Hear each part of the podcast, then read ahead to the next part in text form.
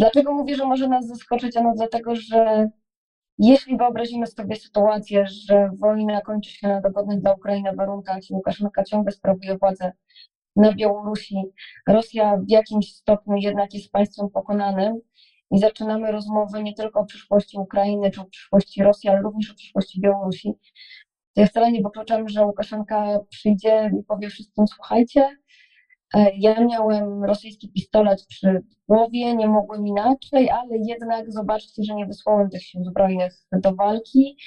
Mm, no i ciągle Wam gwarantuję, że będę tym, tym, to, tą osobą, która da Wam rękojmię tego, że będzie w miarę stabilnie w regionie.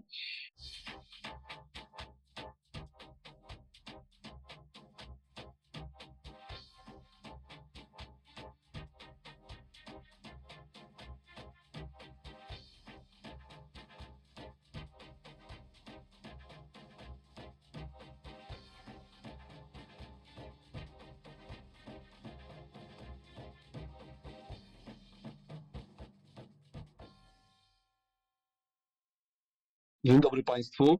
E, Paweł Kusiak i Łukasz Wyszyński witają serdecznie na kanale Stosunki Międzynarodowe Akademii Marynarki Wojennej. E, Dzisiaj rozmawiać będziemy o Białorusi, państwie, którego znaczenie dla polskiej polityki bezpieczeństwa, dla polskiej racji stanu no, jest e, trudne do zanegowania. To znaczenie wzrosło dodatkowo po tym, jak w lutym 2022 roku Rosja rozpoczęła obecną fazę inwazji na Ukrainę. Dziś chyba najczęściej zadawane pytanie w kontekście Białorusi brzmi, czy armia białoruska mm, czynnie zaangażuje się w wojnę na Ukrainie. I o tą kwestię, ale także o wiele innych spraw chcielibyśmy zapytać naszego dzisiejszego gościa, którym jest pani Anna Maria Dyner, analityczka Polskiego Instytutu Spraw Międzynarodowych, specjalistka między innymi od polityki wewnętrznej i zagranicznej Białorusi. Pani Anno, witam serdecznie i dziękuję za przyjęcie naszego zaproszenia. Dzień dobry, dziękuję za zaproszenie. E, Szanowni Państwo, e, Szanowna Pani, no, chciałbym rozpocząć od takiego pierwszego pytania, nieco porządkującego, ale z jednej strony wydaje mi się ono dość kontrowersyjne, bo samo pytanie brzmi, e, kiedy patrzymy na dzisiejszą Białoruś, to na ile prowadzi ona swoją niezależną politykę, byśmy powiedzieli taką politykę trochę zgodną z białoruską racją stanu, a na ile to jest tak, że ta, ta właśnie współczesna Białoruś w dobie wojny na Ukrainie, o którym wspominał Paweł, no jednak prowadzi politykę podporządkowaną trochę interesom Moskwy. Wiem, że to jest pewnym sensie uproszczenie, ale myślę, że to jest taka kwestia dość kontrowersyjna, która pozwoli nam i naszym widzom przede wszystkim wejść w temat. Pytanie, które można w zasadzie na nie odpowiedzieć jednym, jednym zdaniem, ale postaram się szerzej. Białoruś prowadzi całkowicie podporządkowaną politykę zagraniczną i obrony względem Federacji Rosyjskiej. I robi to niestety tylko, nie tylko od 24 lutego ubiegłego roku, robiła to wcześniej, natomiast obecnie robi to w stopniu, który nie był obserwowalny w latach poprzednich. Kiedy rozmawiamy, kiedy nagrywamy tą rozmowę, akurat w Mińsku odbyło się połączone kolegium Ministerstw Spraw Zagranicznych Rosji i Białorusi. Siergiej Ławrow, minister spraw zagranicznych Rosji, rozmawiał z Aleksandrem Łukaszenką. No i Łukaszenka w trakcie tej rozmowy powiedział, że Białoruś całkowicie popiera działania Federacji Rosyjskiej, również względem tej, w cudzysłowie, tak jak jest to nazywane na Białorusi i w Rosji, specjalnej operacji wojskowej. I teraz, jeśli spojrzymy, dlaczego tak się stało i jak to się stało, że Białoruś, która jednak mniej więcej do wyborów 2020 roku prowadziła albo próbowała prowadzić częściowo niezależną politykę zagraniczną, całkowicie tej Rosji uległa, no to właśnie kluczowy punkt to są wybory prezydenckie roku 2020. Cała kampania wyborcza, kiedy Aleksander Łukaszenka w zasadzie nieco zlekceważył swoich własnych obywateli, i to jeszcze w czasie trwającego pierwszego lockdownu, którego na Białorusi nie wprowadzono, ale z którym były związane bardzo liczne obostrzenia. Kiedy pozamykał część swoich oponentów politycznych do więzień, ale nie wszystkich, i takim uosobieniem tego niezależnego ruchu stała się Swietłana Cichanowska. I kiedy zdecydował o tym, żeby narysować tak kuriozalnie wysoki wynik wyborczy, czyli ponad 80% głosów, kiedy w zasadzie wiadomo było, że niezależnie od tego, jak by nie liczyć, to absolutnie taką większością Łukaszenka nie byłby w stanie tych wyborów wygrać. Spór pozostaje o skalę fałszerstwa. Niektórzy eksperci twierdzą, że byłaby druga tura, gdyby te wybory były liczone tak, jak liczone być powinny. E, Inni twierdzą, że być może przesmyknąłby się Łukaszenka, jeszcze inni e, wskazują, że wygrałaby je Swiatłana Cichanowska. E, Tak czy inaczej, nikt absolutnie nie wierzył w 80% rezultat wyborczy. I to wyprowadziło Białorusinów na ulicę w pierwszym rzędzie. Potem doszła do tego brutalność milicyjnych, zwłaszcza OMON-u, czyli tych sił specjalnych. I Łukaszenka, nie wiedząc za bardzo, co ma robić, w zasadzie w kilka dni po tych wyborach zadzwonił do Moskwy, do Władimira Putina z prośbą o wsparcie, poparcie. Tak jak już e, wiadomo, w polityce międzynarodowej e, nic nie ma za darmo, takie rachunki trzeba spłacić, więc e, Aleksander Łukaszenka powiedział, że owszem, przepraszam, Władimir Putin powiedział, że owszem, udzieli tej pomocy, no ale Białoruś musiała bardzo szybko wrócić do kwestii związanych z programami integracji, e, również integracji wojskowej, integracji gospodarczej, no i siłą rzeczy również e, podporządkowania swojej polityki zagranicznej polityce Federacji Rosyjskiej. E, I tak naprawdę widać to obecnie, kiedy choćby pod koniec ubiegłego roku, kiedy e, Władimir Putin przylatywał do Mińska po trzyletniej nieobecności, e, Aleksander Łukaszenka mówił, że mm, Białoruś całkowicie popiera rosyjskie żądania bezpieczeństwa, e, że popiera rosyjską politykę zagraniczną. I to jest też odejście od takiej swoistej koncepcji Helsinek 2.0, którą białoruska dyplomacja starała się uskuteczniać mniej więcej do tego 2020 roku i do, do wyborów prezydenckich. Ta koncepcja w dużym uproszczeniu e, głosiła tezy związane z koniecznością poszerzonych gwarancji bezpieczeństwa dla państw średnich i państw e, położonych na styku, nazwijmy to umownie dwóch płyt tektonicznych, ale tak naprawdę e, płyty pod tytułem Rosja i płyty pod tytułem Zachód, to tak naprawdę Zachód rozumiany jako Stany Zjednoczone. I tutaj Białoruś też wskazywała na to, które obszary Europy najbardziej cierpiały zawsze w trakcie wojen, zwłaszcza I i II światowej. E, I tu wskazywała na konieczność e, dodatkowych gwarancji, między innymi w postaci zwiększenia kontroli zbrojeń, ale też, e, co dość skutecznie Białorusini realizowali od mniej więcej 2014 roku, czyli od pierwszych porozumień miejskich, to była próba cały czas podkreślania, że Białoruś jest donorem stabilności w regionie, że jest miejscem bezpiecznych negocjacji dla wszystkich, że ta neutralność Białorusi, nie zapisana w konstytucji, ale jednak e, wskazywana w tym dokumencie jako dążenie do, do, do neutralności, w tej starszej wersji. To zostało zmienione w ubiegłym roku, mm, to miał być też gwarant e, dodatkowego zabezpieczenia Białorusi, czyli że nikomu nie opłaca się napadać na państwo, które jest bezstronne i które stara się dawać e, gwarancję bezpieczeństwa i stabilności e, dla regionu. To wszystko zostało przekreślone, zostało przekreślone też bardzo brutalnie 24 lutego ubiegłego roku, kiedy z terytorium Białorusi został wyprowadzony atak rosyjskich sił zbrojnych w stronę Kijowa. E, I od tamtej pory, zgodnie z prawem międzynarodowym, Białoruś stała się państwem agresorem. Co istotne, Białoruś e, od dawna wspierała Rosję w pomniejszych e, działaniach na arenie międzynarodowej. Mm, Absolutnie było widać, zwłaszcza na forum Organizacji Narodów Zjednoczonych, że Białoruś jest takim wiernym sojusznikiem Moskwy w bardzo wielu aspektach. Nie powiem, że we wszystkich, ale w bardzo wielu. E, I to, co też obserwowaliśmy w roku 2021, w czasie kryzysu granicznego, kiedy Białoruś zinstrumentalizowała migrację, też było widać, że są to rzeczy, z których korzysta Federacja Rosyjska. E, I Białoruś też przychodziła i przychodziła i przychodzi w sukurs Rosji, jeśli chodzi o działania dezinformacyjne, zwłaszcza w stosunku do państw Afryki, państw Bliskiego Wschodu, niekiedy też do państw Ameryki Łacińskiej. Było to również widoczne właśnie w trakcie kryzysu granicznego i jest nadal, bo trzeba sobie uczciwie powiedzieć, że ten kryzys e, ciągle się toczy, tylko e, nie jest te obrazy, które są na granicy, nie są aż tak spektakularne, jak choćby e, to, co działo się na przejściu e, w Kuźnicy w listopadzie 2021 roku. Stąd też e, widzimy wyraźnie, że Białoruś e, jest takim dodatkowym elementem wsparcia dla Rosji w polityce zagranicznej. No i niestety, biorąc pod uwagę, jak wygląda teraz e, sytuacja na samej Białorusi, że na Białorusi stacjonują wojska rosyjskie, szacowane na co najmniej 9 tysięcy żołnierzy, a najpewniej sporo więcej, takie realistyczne szacunki mówią co najmniej o 12 tysiącach. I raczej wygląda na to, że ostatnie umowy pomiędzy państwami wskazują, że ta obecność e, rosyjska wojskowa będzie już stała na białoruskim terytorium.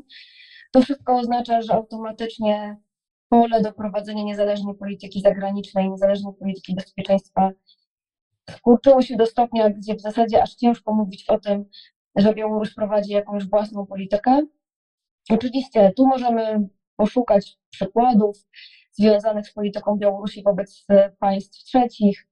Tak jak wspomniałam, jakieś dalekie kraje, czy to Azji Południowo-Wschodniej, czy Ameryki Południowej, które docelowo były takimi e, punktami dość ciekawymi na politycznej mapie Białorusi, bo e, jednak Białoruś od lat próbowała poszukiwać trochę tej swojej trzeciej drogi. Też warto zauważyć e, cały ruch państw niezaangażowanych, o którym my, już dawno zapomnieliśmy, e, a z którego Białoruś czerpała. Więc zdecydowanie to jest chyba ten obszar, gdzie jeszcze jakaś tam niezależność Białorusi została, że nie wszystko chyba muszą z Moskwą uzgadniać, ale nie ma też co się oszukiwać, właśnie kończąc już e, tą część wypowiedzi i patrząc na ustalenia e, z Mińska z dzisiaj, ewidentnie elementem obrad, rozmów tego kolegium połączonego Ministerstw Spraw Zagranicznych Białoru- Białorusi i Rosji był plan działań na lata 2020 rok, na lata 2023-2024, jeśli mi pamięć nie myli, bo chyba taki zakres czasowy e, był, e, był podany. Więc to wskazuje, że jakby Ministerstwa Spraw Zagranicznych absolutnie będą się koordynować e, i ta narracja, którą głosi Rosja, zwłaszcza na forum ONZ, będzie głoszona również przez Białorusinów. Y, Ja mm, oglądałem y, urywki tego właśnie spotkania, o którym pani wspomniała, kiedy y, Aleksandr Łukaszenka siedział naprzeciwko Sergieja Ławrowa i, i mówił do niego. Nie jestem specjalistą od mowy ciała, nie chciałbym tego oceniać, ale robił wrażenie takiego zdenerwowanego, a wydaje się to człowiek charyzmatyczny i na chwilę chciałbym się zatrzymać przy tej postaci. No, y, 29 lat mm, jest, y, no, nie jest uznawanym w tej chwili prezydentem, ale rządzi Białorusią, tak możemy, możemy y, powiedzieć. I y, no, to, jest, to jest epoka polityce, dłużej niż Władimir Putin. No, y, człowiek przypadkowy się w takiej roli nie, y, nie utrzymuje. I, y, I chciałem panią zapytać o Aleksandra Łukaszenkę, to znaczy, jak pani ocenia, jakie są jego cele strategiczne w tym, w tym momencie? O co on teraz gra? Czy to jest tylko gra o przetrwanie, czy, czy tam jest jeszcze jakiś cel, cel polityczny, a mo, może Łukaszenka wszystkich za, za, za- zaskoczy, może, czy może coś jeszcze wygrać? Może wygrać, jak go znam, to będzie próbował. Myślę, że teraz to jest przede wszystkim kwestia statusu, utrzymania status quo, utrzymania się przy władzy. E, I sądzę, że paradoksalnie Łukaszenka sobie zdaje sprawę z tego, że zaangażowanie sił zbrojnych Białorusi bezpośrednio w działania wojenne na Ukrainie mogłoby go tej władzy prędzej czy później pozbawić. I sądzę, że teraz o ironia i paradoksie znowu zbiegły się jego osobiste interesy z interesami państwa białoruskiego. To nie znaczy, że to nie, nas, nie nastąpi taki scenariusz e, skrajny, ale to pewnie inna, e, inna, inna kwestia. Mm, O co może walczyć Łukaszenka i czym nas może zaskoczyć? Ja się trochę uśmiecham, dlatego że to jest mistrz e, wyciągania się z trudnych sytuacji, w które niekiedy sam siebie wpędził, bo mówmy się uczciwie, gdyby nie skala fałszerstwa wyborów z 2020 roku, w ogóle ta historia mogła się potoczyć zupełnie inaczej. Białoruś mogła teraz, nie mówię, że być w łatwiejszej sytuacji, ale paradoksalnie może do pewnego stopnia i tak.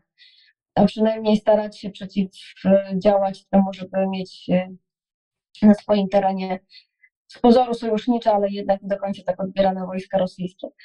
Dlaczego mówię, że może nas zaskoczyć? Ano dlatego, że Jeśli wyobrazimy sobie sytuację, że wojna kończy się na dogodnych dla Ukrainy warunkach i Łukaszenka ciągle sprawuje władzę na Białorusi, Rosja w jakimś stopniu jednak jest państwem pokonanym i zaczynamy rozmowę nie tylko o przyszłości Ukrainy czy o przyszłości Rosji, ale również o przyszłości Białorusi, to ja wcale nie wykluczam, że Łukaszenka przyjdzie i powie wszystkim, słuchajcie, ja miałem rosyjski pistolet przy głowie, nie mogłem inaczej, ale jednak zobaczcie, że nie wysłałem tych sił zbrojnych do walki. Mm, No i ciągle Wam gwarantuję, że będę tym, tym, to, tą osobą, która da Wam rękojmię tego, że będzie w miarę stabilnie w regionie. E, No i wcale nie jestem przekonana, że nie znajdzie się nikt, kto takiego przekazu nie kupi. Wcale nie jestem przekonana, że właśnie na tle ogólnych wyzwań to ludzie sobie mogą nie pomyśleć, a dobra, zostawmy już tego, tego Łukaszenka choćby na czas jakiś. Więc to jest to, czym, czym ewentualnie może nas zaskoczyć. Natomiast ewidentnie w momencie, kiedy białoruskie siły zbrojne weszłyby na terytorium Ukrainy, no to już by zmieniło obraz e, tej gry. E, To jest pierwsza rzecz. Druga rzecz to, to jest też temat pewnie na odrębną opowieść, jak mocno i jak duże spowodowałyby to, by to, spowodowałoby to turbulencje na samej Białorusi i w ramach sił zbrojnych tego państwa, i w ramach e, społeczeństwa. Natomiast e, zawsze mówię, że Łukaszenki absolutnie nie wolno lekceważyć. Ja wiem, że niektórzy mają tendencję do mówienia o nim jako o kołchozowym dyktatorze. No jednak nie do końca. Też e, takie myślenie, że to jest, mówiąc bardzo kolokwialnie, taki chłopak roztropek, no jest daleką nieprawdą, bo tak jak już panowie wspomnieliście, Łukaszenka w lipcu tego roku e, będzie w cudzysłowie świętował 20 lat sprawowania władzy na Białorusi. 29 lat e, to jest w zasadzie pokolenie, nawet więcej, które wyrosło i nie zna innego prezydenta. No tak jak zostało wspomniane, no go za prezydenta nie uznajemy, no ale na Białorusi on tak, taką funkcję sprawuje. E, To jest e, też, jeśli popatrzymy na historię tego okresu, na to, jak e, kiedy Łukaszenka dochodził do władzy, jak wyglądała Rosja, kto Rosją rządził, a jak wygląda Rosja dziś, jak sobie przypomnimy, jak wyglądały państwa europejskie, czy nawet nasz region w tamtym czasie, a jak wygląda dziś, to jest po prostu w zasadzie aż trudne do, do uwierzenia i do porównania. Natomiast to też powodowało, że Łukaszenka miał pewien problem z rozmowami z rządami, z premierami, czy nawet z prezydentami państw, em, zwłaszcza ościennych, nie mówię tutaj o Rosji. No bo dla niego perspektywa, że ktoś sprawuje władzę 8 lat, to w zasadzie co to jest, a jeszcze częściej, no to jednak to jest tylko 4-letnia kadencja, więc e, jedyny respekt to pewnie jaki by czuł, to jeszcze dopóki żyła królowa Elżbieta II, to myślę, że na pewno, na pewno jeśli chodzi o kwestię sprawowania władzy, to, to przed nią tak, czułby respekt. Ja myślę, że paradoksalnie nie do końca nawet czuje respekt przed Putinem. Mm, Osobiście uważam, że panowie się niespecjalnie, niespecjalnie lubią, a, a myślę, że to też wynika trochę z tego, że Putin pamięta czasy, kiedy on był zwykłym urzędnikiem, a Łukaszenka już był prezydentem i Łukaszenka co więcej też to pamięta. No, e, no właśnie, tak naprawdę w e, Pani odpowiedzi no, coraz częściej zaczyna się przeplatać wątek Rosji, no bo e, jednak ocena dzisiejszego położenia Białorusi i w tym kontekście oczywiście samej postaci prezydenta Łukaszenki, tego jakie ma pole do działania, na ile jakby może być sprawczy w tej, w tej polityce wewnętrznej i międzynarodowej, a na ile to jest uzależnione właśnie od e, stanowiska Moskwy, wydaje się kluczowe. Mm, My, mówię tutaj jako, e, patrząc na to, co najczęściej przebija się w opinii publicznej, no to w przypadku Białorusi e, z reguły nasze zwiększone zainteresowanie mediów jest, kiedy mamy doroczne ćwiczenia Zapad, tak, kiedy... Nie są doroczne, tu od razu będę. A, no właśnie. E, Bardzo, bardzo e, dziękuję za, za czujność, ale jakby to, co tak naprawdę się najbardziej przebija, to jakby brak takiej szerszej e, dyskusji, czy też przedstawienia tego, czym jest Białoruś w rosyjskiej strategii. To znaczy, jak Rosja patrzy na Białoruś e, i to nie tylko w kontekście trwającej wojny, no bo można powiedzieć, że to jest, to, to jest e, taka sytuacja trochę na tu i teraz i ona jest bardzo dynamiczna i się dzieje, ale także w tej szerszej, dłuższej perspektywie, e, jakie, jakie znaczenie Białoruś miała, ma i będzie miała w przyszłości właśnie dla Rosji. Wbrew wszystkiemu mała Białoruś ma spore znaczenie dla dużej Rosji. E, I teraz e, za jednym z panów jest mapa, jak w zasadzie można sobie ją łatwo zwizualizować i popatrzeć, jak to wygląda z perspektywy Rosji. To jest taki balkon wchodzący między państwa natowskie a Ukrainę, to jest raz. Dwa, koszmarem e, moskiewskich, rosyjskich e, wojskowych jest myślenie o tym, że Białoruś mogłaby się znaleźć w NATO. I wtedy, jeśli byśmy popatrzyli na mapę, to raptem 250 kilometrów od granicy białoruskiej do Moskwy, no to już są zasięgi, których, o których teraz przy, przy tej odsłonie wojny na Ukrainie czytamy. Są zasięgi zwykłej artylerii, nie mówiąc już o poważniejszym uzbrojeniu. Więc to byłby koszmar e, rosyjskich wojskowych. E, I my się możemy oczywiście uśmiechać, że to trochę nie tak, że przecież gdzie tam Białoruś do NATO i w ogóle nikt nigdy o tym, o tym nie mówił, no ale właśnie Rosja prewencyjnie starała się zrobić wszystko, żeby nawet nie pojawiły się tego rodzaju idee. Więc to jest e, pierwszy istotny element i z wojskowego punktu widzenia Białoruś jest naprawdę istotna dla Federacji Rosyjskiej, zwłaszcza dla obrony e, dwóch kluczowych miast, czyli Moskwy i Petersburga. E, I to jest, e, to jest jeden z tych, z tych elementów. A drugi element, e, już nieco bardziej miękki, ale też szalenie istotny, zwłaszcza jeżeli pomyślimy o polityce Rosji względem Ukrainy, to jest cała idea ruskiego miru, rosyjskiego świata, gdzie te wszystkie państwa rosyjskojęzyczne, prawosławne, o wspólnej historii są szalenie istotne i są kluczem dla Federacji Rosyjskiej, gdzie Rosja z nich właśnie chciałaby utworzyć swoją strefę wpływów. I oczywiście Białoruś jest takim, jest takim państwem. E, Ze względów ideologicznych no naprawdę trudno by mi było sobie wyobrazić, że Rosja traci de facto ostatniego sojusznika w postaci Białorusi. Bo jednak ciągle oficjalnie Rosjanie mówią o Białorusi jako o państwie sojuszniczym, a już na pewno byłoby to ostatnie sojusznicze europejskie państwo e, w stosunku do, e, do Rosji. E, Stąd też e, tak duże znaczenie państwa białoruskiego dla Federacji Rosyjskiej.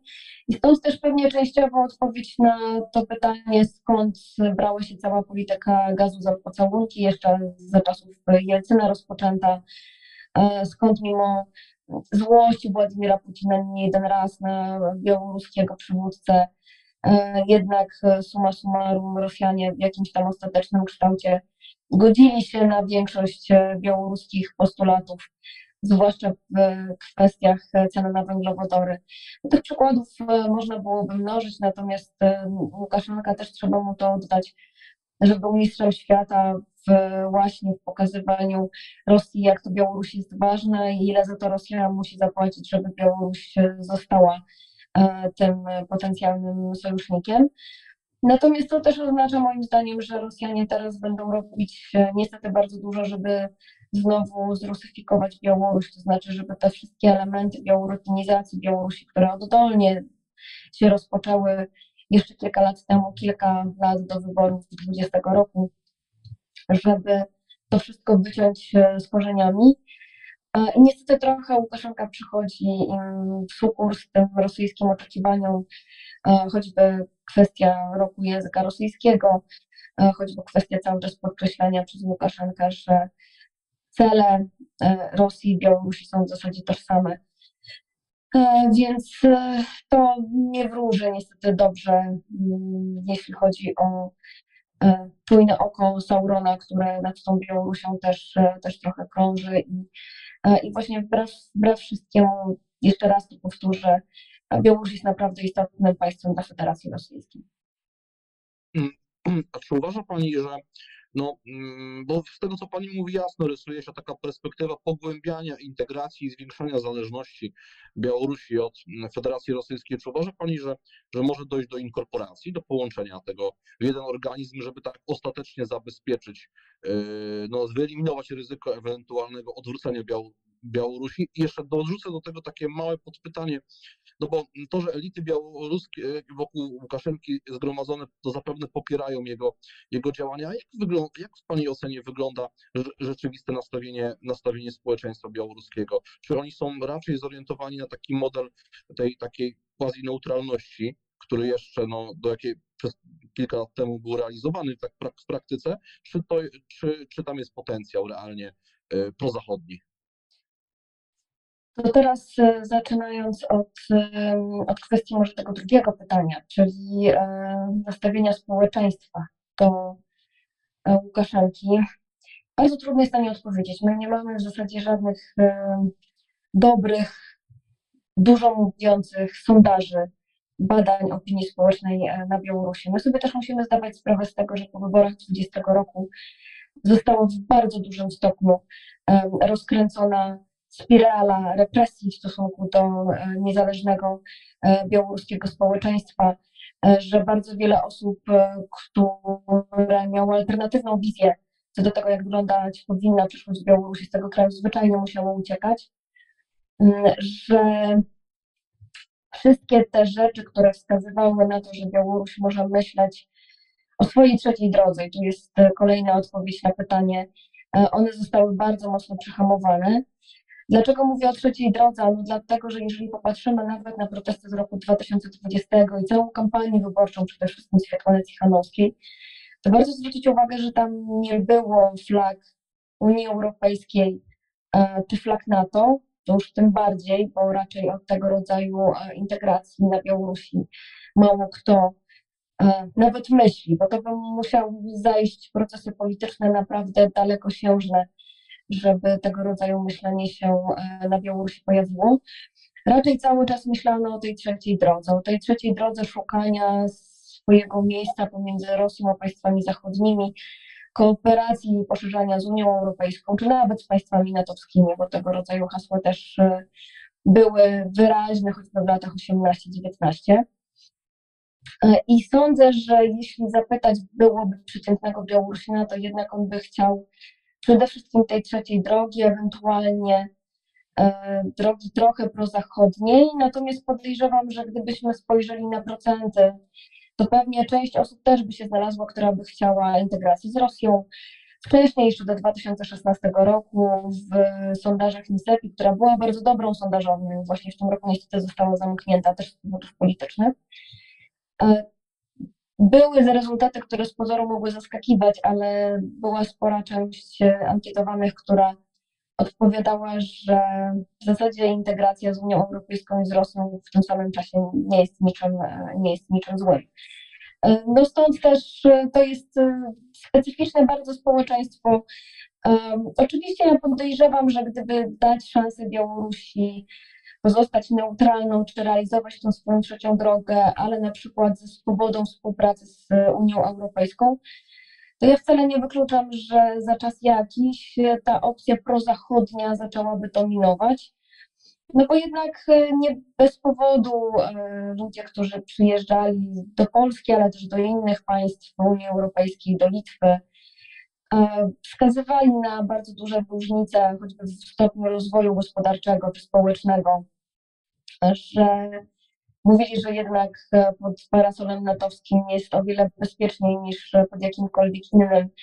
E, I wiele osób nawet mówiło, że zazdrości nam tego szczęścia historycznego, e, które mieliśmy, a że Białoruś właśnie została, została poniekąd e, z tyłu e, i że nie potrafiła w tym, w tym pierwszym czasie tych lat 90. właściwie wykorzystać tej niepodległości, która im się trochę przydarzyła. Tak? To też trzeba sobie uczciwie powiedzieć.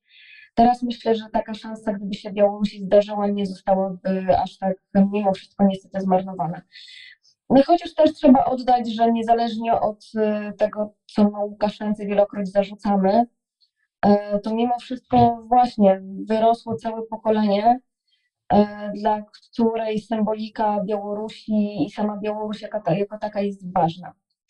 No i teraz wracając do pytania, czy dojdzie do całkowitej inkorporacji. Ja bym powiedziała, że trochę to nie ma sensu finansowo, politycznie e, i w zasadzie pod każdym, pod każdym kątem. Nawet za czasów Związku Radzieckiego Białoruska Socjalistyczna Republika Radziecka miała swój głos w Narodach Zjednoczonych, więc to jest zawsze jeden głos więcej w tych organizacjach międzynarodowych. A Jednak tańsza jest w utrzymaniu Białoruś w takiej formie, w jakiej to obserwujemy teraz. E, Bo te dotacje oczywiście ze strony rosyjskiej one są wyraźne, ale to nie jest coś, co sprawia jeszcze jakiś ból głowy e, białoruskim, przepraszam, rosyjskim planistom w Ministerstwie Finansów. Gdyby trzeba było Białoruś inkorporować, to podejrzewam, że ten ból głowy gwałtownie by wzrósł pod wieloma e, aspektami. No i rzecz bardzo istotna, wcale nie jestem przekonana, czy białoruskie społeczeństwo dałoby się tak łatwo inkorporować, niezależnie od, od tej skali rozkręconych, rozkręconych represji. E, Czy całkowicie białoruskie siły zbrojne porzuciłyby swoje działania i nie broniłyby swojego terytorium? Myślę, że obecny status, który jest, e, który obserwujemy, czyli w zasadzie całkowitej kontroli militarnej Rosji nad Białorusią, on gwarantuje też kontrolę w zasadzie we wszelkich innych płaszczyznach i sądzę, że na dzień dzisiejszy to jest dla Rosji absolutnie wystarczające. E, to Pani Anna, jak mogę dopytać, bo w tym momencie e, pojawia się pytanie, nie można porównać sytuacji Ukrainy i Białorusi, bo tak jak Pani powiedziała, to są państwa, które poszły, które miały, może tak, w innych momentach historii po roku, po roku 90 trafiły na inne uwarunkowania i tak naprawdę e, o ile Białoruś ma znaczenie dla Rosji strategiczne, Ukraina również, ale e, przed rozpoczęciem inwazji rosyjskiej na Ukrainie, no sytuacja względem relacji Moskwy z Kijowem czy z Mińskiem no były diametralnie inne, chociażby nawet te związki polityczne, wojskowe i ekonomiczne, o których Pani wspomniała. No i przychodzi mi tutaj na myśl takie pytanie, czy gdyby e, Aleksander Łukaszenko e, w wyniku określonych uwarunkowań miał możliwość jeszcze powrotu do takiej trzeciej drogi, do flirtowania trochę z Zachodem, z Unią Europejską, z NATO, czy Pani zdaniem możliwy byłby scenariusz zbliżony do tego, co widzimy dzisiaj na Ukrainie? To znaczy, że mm, siły zbrojne Federacji Rosyjskiej, albo te obecne, albo te, które musiałyby przybyć, no, chciałyby jednak siłą przejąć władzę, e, siłą jakby zdobyć kontrolę nad Ukrainą, oczywiście usuwając obecnego prezydenta. Czy taki scenariusz w ogóle Pani zdaniem jest możliwy? To ja w ogóle nie podejrzewam, żeby Łukaszenka był aż tak nielojalny w stosunku do Rosji. No, on sobie zdaje sprawę z tego, czym by się to skończyło i że w zasadzie jeden snajper bądź jedna herbata mogłyby sprawić, że już tematu nie będzie. Myślę, że on się trochę boi takiego scenariusza też, on, pomijając, że oczywiście jest bardzo lojalny w stosunku do Władimira Putina i do Federacji Rosyjskiej, e, to jednak wieść gminna niesie z Mińska, że tworzy w zasadzie jeszcze taką dodatkową służbę własnej ochrony, e, że jednak ma ten strach e, w oczach. Zresztą miał go zawsze, ale teraz podejrzewam, że, że, że jeszcze, jeszcze bardziej boi się właśnie potencjalnych zdrajców. Myślę, że on sobie paradoksalnie ironię może zdawać sprawę ze stopnia infiltracji czy służb specjalnych, czy też częściowo e, sił zbrojnych Białorusi przez Rosjan. E, Więc e, doskonale wie, że to jest pewna pułapka, którą zresztą sam na siebie zastawił, albo coś, o co nie zadbał w perspektywie swoich, swoich ostatnich lat sprawowanej, sprawowanej władzy. Więc ja takiego scenariusza nie widzę i zresztą my też powinniśmy zwracać uwagę na to, że Ukraina była państwem demokratycznym, jest nadal, tak, ale mówimy o czasie do, do wojny. Oczywiście my moglibyśmy dużo e, mówić złego na temat tej dość specyficznej demokracji, ale jednak zmieniały się władze, zmieniali się prezydenci, kwitło życie parlamentarne, parlament miał coś do powiedzenia, były partie polityczne, e, rządy, które też e, miały swoją politykę. No na Białorusi jednak nie, no parlament mimo wszystko spraw- w zasadzie nie sprawuje władzą, jest trochę polityczną wydmuszką, E, jest, bo jest, ale tam inicjatywy ustawodawczej to w zasadzie nie ma. E, Do tego wszystkiego raczej jest wykorzystywany jako maszynka do e, przyklepywania dekretów prezydenta, bo też warto zwrócić uwagę, że na Białorusi parlament nie pracuje w trybie ciągłym, tylko w trybie zjazdowym. Są dwie sesje, jedna jesienna, druga wiosenna. Między sesjami parlamentu prezydent ma prawo do wydawania dekretów z mocą ustawy. Oczywiście te dekrety obowiązują do czasu zebrania się sesji parlamentu i do zatwierdzenia e, tychże dekretów. No ale się jeszcze nie zdarzyło, żeby parlament nie zatwierdził e, dekretu Aleksandra Łukaszenki. Więc y, jest absolutna fasadowość. Od roku 2000 nie została zarejestrowana żadna partia polityczna na Białorusi. Żadna. Mm, Wiele było w procedurze rejestracji, nawet te prorosyjskie, uwaga, co jest dość ciekawe, e, ale nie zostały zarejestrowane. Były próby myślenia o tym, żeby stworzyć partię władzy w postaci Białej Rusi. No nie udało się to. Teraz oczywiście Łukaszenka mocno kombinuje z tym ogólnobiałoruskim zgromadzeniem ludowym, które w ogóle będzie przedziwnym tworem, e, częściowo przypominającym czasy Związku Radzieckiego, a częściowo takiego z, z domieszką białoruskiego know-how. E, Jak ten organ będzie wyglądał, to będzie też ciekawostka dla, dla wszystkich politologów, bo to jest ewenement, myślę, na dużą skalę. E, Skrzyżowanie przeróżnych koncepcji, nie wiem, Senatu włoskiego właśnie z zjazdami deputowanych ludowych, e, z mnóstwem, mnóstwem różnych, różnych innych rozwiązań politycznych. Więc choćby nawet z tego powodu te drogi polityczne Białorusi i Ukrainy są absolutnie nieporównywalne do siebie. E, No i teraz też nie widzę takiego środowiska, które byłoby jakkolwiek prozachodnie. Nie ma kogokolwiek takiego e, pośród e, białoruskiej, nazwijmy to bardzo umownie elity władzy, to znaczy tych, którzy tą, tą władzę nad Białorusią realnie sprawują. Czym innym oczywiście jest białoruska opozycja, czym innym jest oczywiście środowisko Świetlanej Cichanowskiej, no ale nie o tym teraz rozmawiamy. Więc nie, jeszcze raz odpowiadając na pytanie, ja nie widzę sytuacji, w której Łukaszenka nagle zmienia swoją politykę 180 stopni e, i rusza błagalnie na zachód. No tym bardziej nie może tego zrobić, że tak jak wspomnieliśmy, ma na swoim terytorium całkiem spore zgrupowanie sił zbrojnych Federacji Rosyjskiej. Mm, mm, Zatrzymując się jeszcze na chwilę przy Aleksandrze Łukaszence, bo to jest postać politologicznie fascynująca, o czym mówiłem chwilę temu. Jak e, spojrzałem przed chwilą, Aleksandr Łukaszenko ma 68 lat. To znaczy, że jeszcze może sobie wyobrażać, e, że e, będzie na tym świecie, o ile, tak jak pani wspomniała, nie będzie jakiejś herbaty nieszczęśliwej. Ale e, pytanie, jak pani sądzi, jak on sobie wyobraża tranzycję władzy no, po zakończeniu no, czy, czy jakimś emeryturze, czy, czy, czy, czy, czy śmierci. No, bo wiem, że dyktatorzy oczywiście rzadko taki scenariusz rozważają i generalnie mm, trwają ile mogą. Mieliśmy wiele takich przykładów w XX wieku, w XXI też, ale i, i tam jest jakiś scenariusz, tam jest jakiś delfin, czy, czy, czy jakiś schemat, e, schemat działania w razie, gdyby, gdyby jego zabrakło? Zacznę od anegdoty. Anegdoty z brodą od razu się przyznam. E, mianowicie podobno Łukaszenka kiedyś zapytała e, na targu Białorusinka, do koli? Na co on odparł, do koli budu. E, dla nieznających białoruskiego, rosyjskiego było pytanie, do kiedy będziecie, a on odpowiedział, że będę do koli, ale do kola to jest najmłodszy jego syn. Więc, e, więc tutaj, e, tutaj trochę gra słów nieprzetłumaczalna niestety dobrze na, na język polski. Natomiast czy jest delfin? Nie sądzę. Mikołaj mimo wszystko jest jednak za mały. To znaczy za mały. No to już za chwilę będzie dorosły mężczyzna, ale ciągle jeszcze nastolatek. Ze starszymi synami jest troszkę większy kłopot, jeśli chodzi o e, myślenie o sprawowaniu władzy. Czy tam jest ktokolwiek inny? Na dzień dzisiejszy bardzo trudno byłoby mi wskazać e, taką osobę. Oczywiście plotek jest mnóstwo, bo to też byłoby kwestia, czy Rosjanie mieliby kogoś wybierać, czy, czy, czy ktokolwiek inny miałby, miałby decydować o tym, kto będzie nowym prezydentem Białorusi. Czy Łukaszenka myślał o takim scenariuszu? Ja myślę, że być może i tak. E, Tylko popatrzył na to, co się wydarzyło z Nursultanem Nazarbajewem.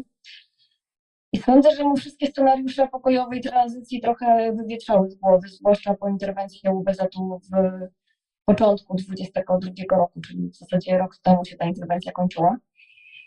Um, I to, jak, jak klan Nazarbajewa został, został trochę potraktowany i jak niby te wszystkie gwarancje, które Nazarbajew sobie zapisał w różnych miejscach, y, przestały obowiązywać.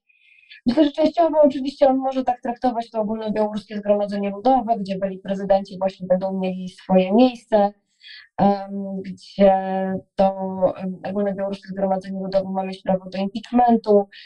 E, No, mnóstwo, mnóstwo różnych rzeczy. Sądzę, że tutaj trochę tak, no właśnie dlatego nie bez powodu powiedziałam o tym politologicznym rozwiązaniu włoskim, gdzie w Senacie włoskim z, po prostu z miejsca zasiadają byli prezydenci tego państwa. Sądzę, że tu może byłaby próba, tylko oczywiście E, Wiecie panowie, to jest też kwestia zagwarantowania bezpieczeństwa i fizycznego, i finansowego sobie i swojej rodzinie. No i teraz pytanie, czy znalazłby się ktoś, tak jak miało to miejsce w przypadku Putina i Jelcyna, kto by takie, takie gwarancje udzielił. Przy czym nawet jeżeli chodzi o Putina, jakbyśmy dobrze popatrzyli na obietnicę, którą składał tak zwanej rodzinie, to daleko ze wszystkich się nie wywiązał. E, To ja pozwolę sobie zadać ostatnie pytanie, ale znowu nawiązujące do e, trwającej w tej chwili wojny na, wojny na Ukrainie. E, No, wojna kinetycznie toczy się pomiędzy oczywiście Rosją i Ukrainą.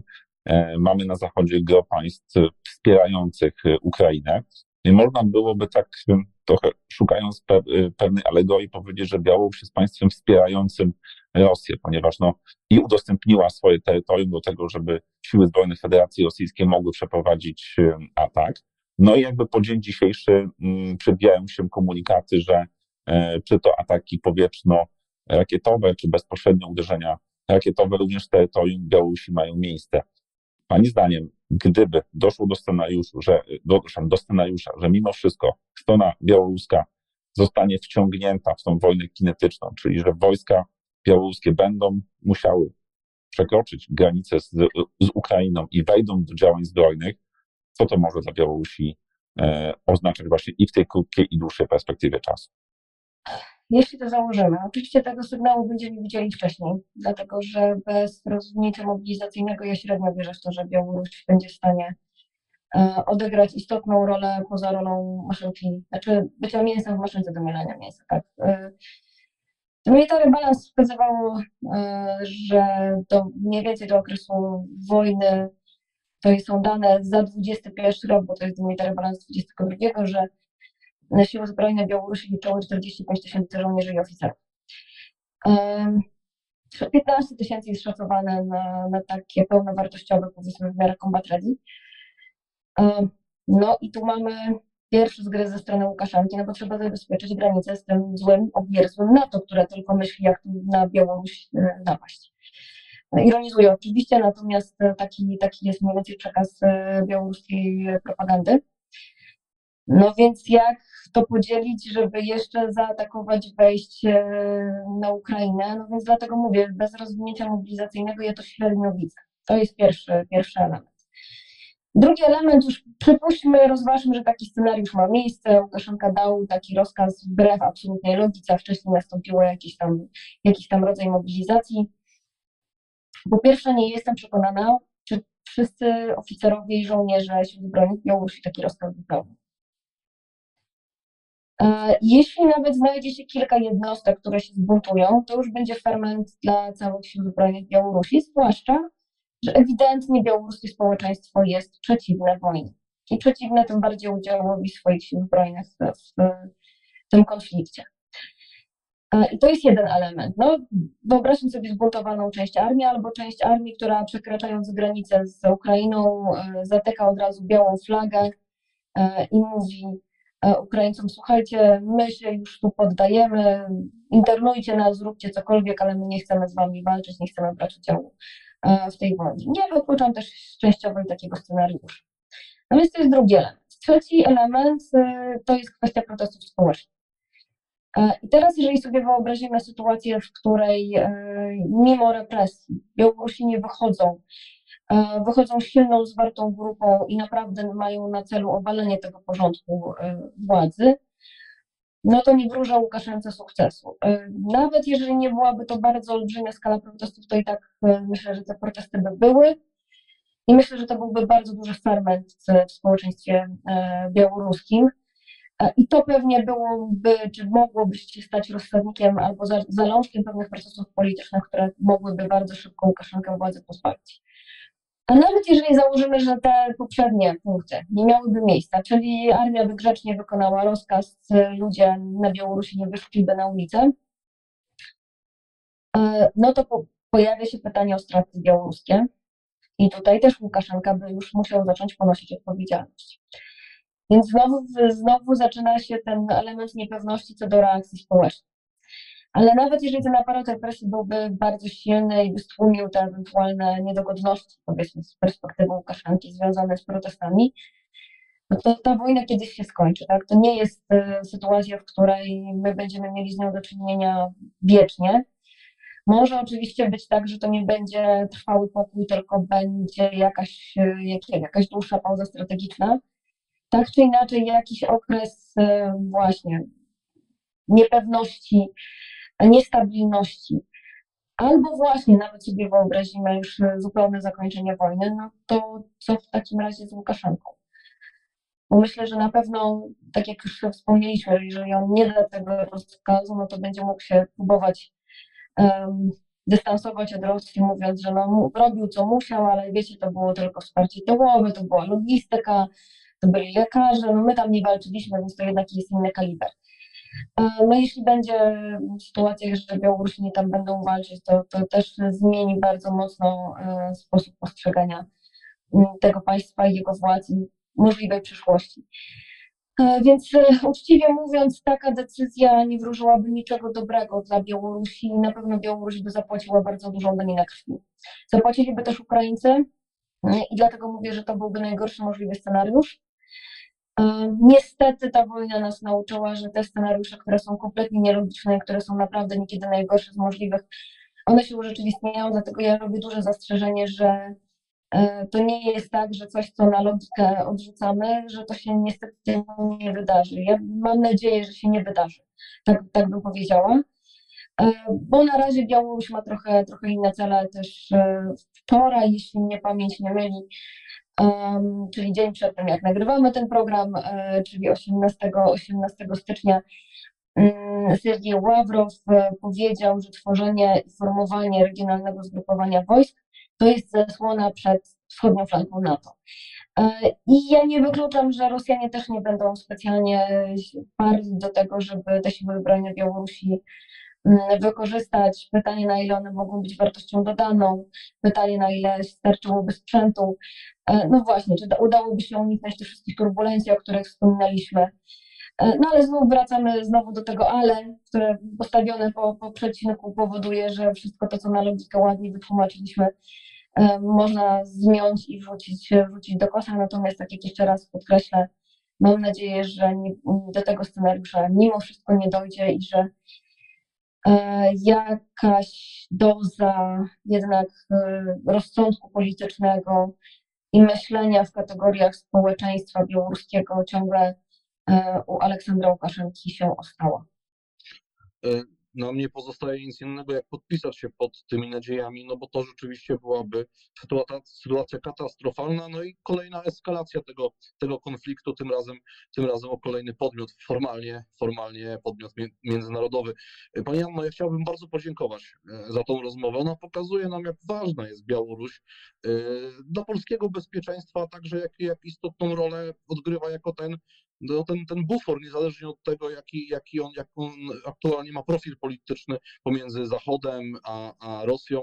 I miejmy nadzieję, że przyszłość Białorusi będzie, y, będzie jak najlepsza z punktu widzenia również naszego bezpieczeństwa Tego międzynarodowego. życzyli. Ja zacytuję e, słowa, które prezydent Andrzej Duda wypowiedział w grudniu na takim spotkaniu z niezależnymi środowiskami białoruskimi w Belwederze, że jeżeli będziemy mieli za sąsiadem niezależną, demokratyczną Białoruś, żaden mur na granicy nam nie będzie potrzebny. E, I ten mur dosłownie i w przenośni, myślę. E, I to jest chyba najlepsze podsumowanie tego, jak też z naszej perspektywy właśnie ta niezależna i demokratyczna Białoruś jest e, istotna i jest ważna. No bo Polska jest w takiej oto sytuacji, że mamy de facto trzech sąsiadów w stanie wojny. Bo formalnie, tak jak wspomnieliśmy, Białoruś jest uznawana za państwo agresora.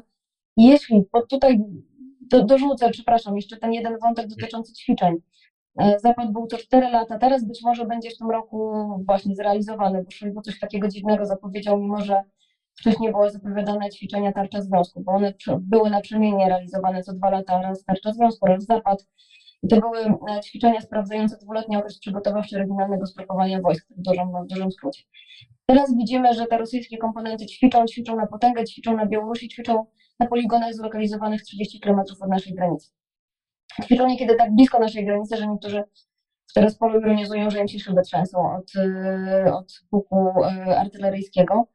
I to też nas angażuje, tak? To znaczy, to jest ta kwestia, kiedy my musimy mieć bardzo czujne oko na naszą e, bezpośrednio wschodnią granicę, I to też wymusza i na Polsce, i na państwach wschodniej flanki NATO też rewizję swojej, swojej polityki bezpieczeństwa. Kiedy, a kiedy mamy choćby w miarę przyjaznego, neutralnego, już nawet nie mówię o, demokratycznej, niezależnej Białorusi, to też to wygląda inaczej. Ale niezależna, demokratyczna Białoruś to jest już coś, czego wszyscy życzymy przede wszystkim e, Białorusinom i Białorusi, ale też tak naprawdę i sobie. I taka, i nic, nic dodać, nic ująć. Jeszcze raz dziękuję Pani Anno.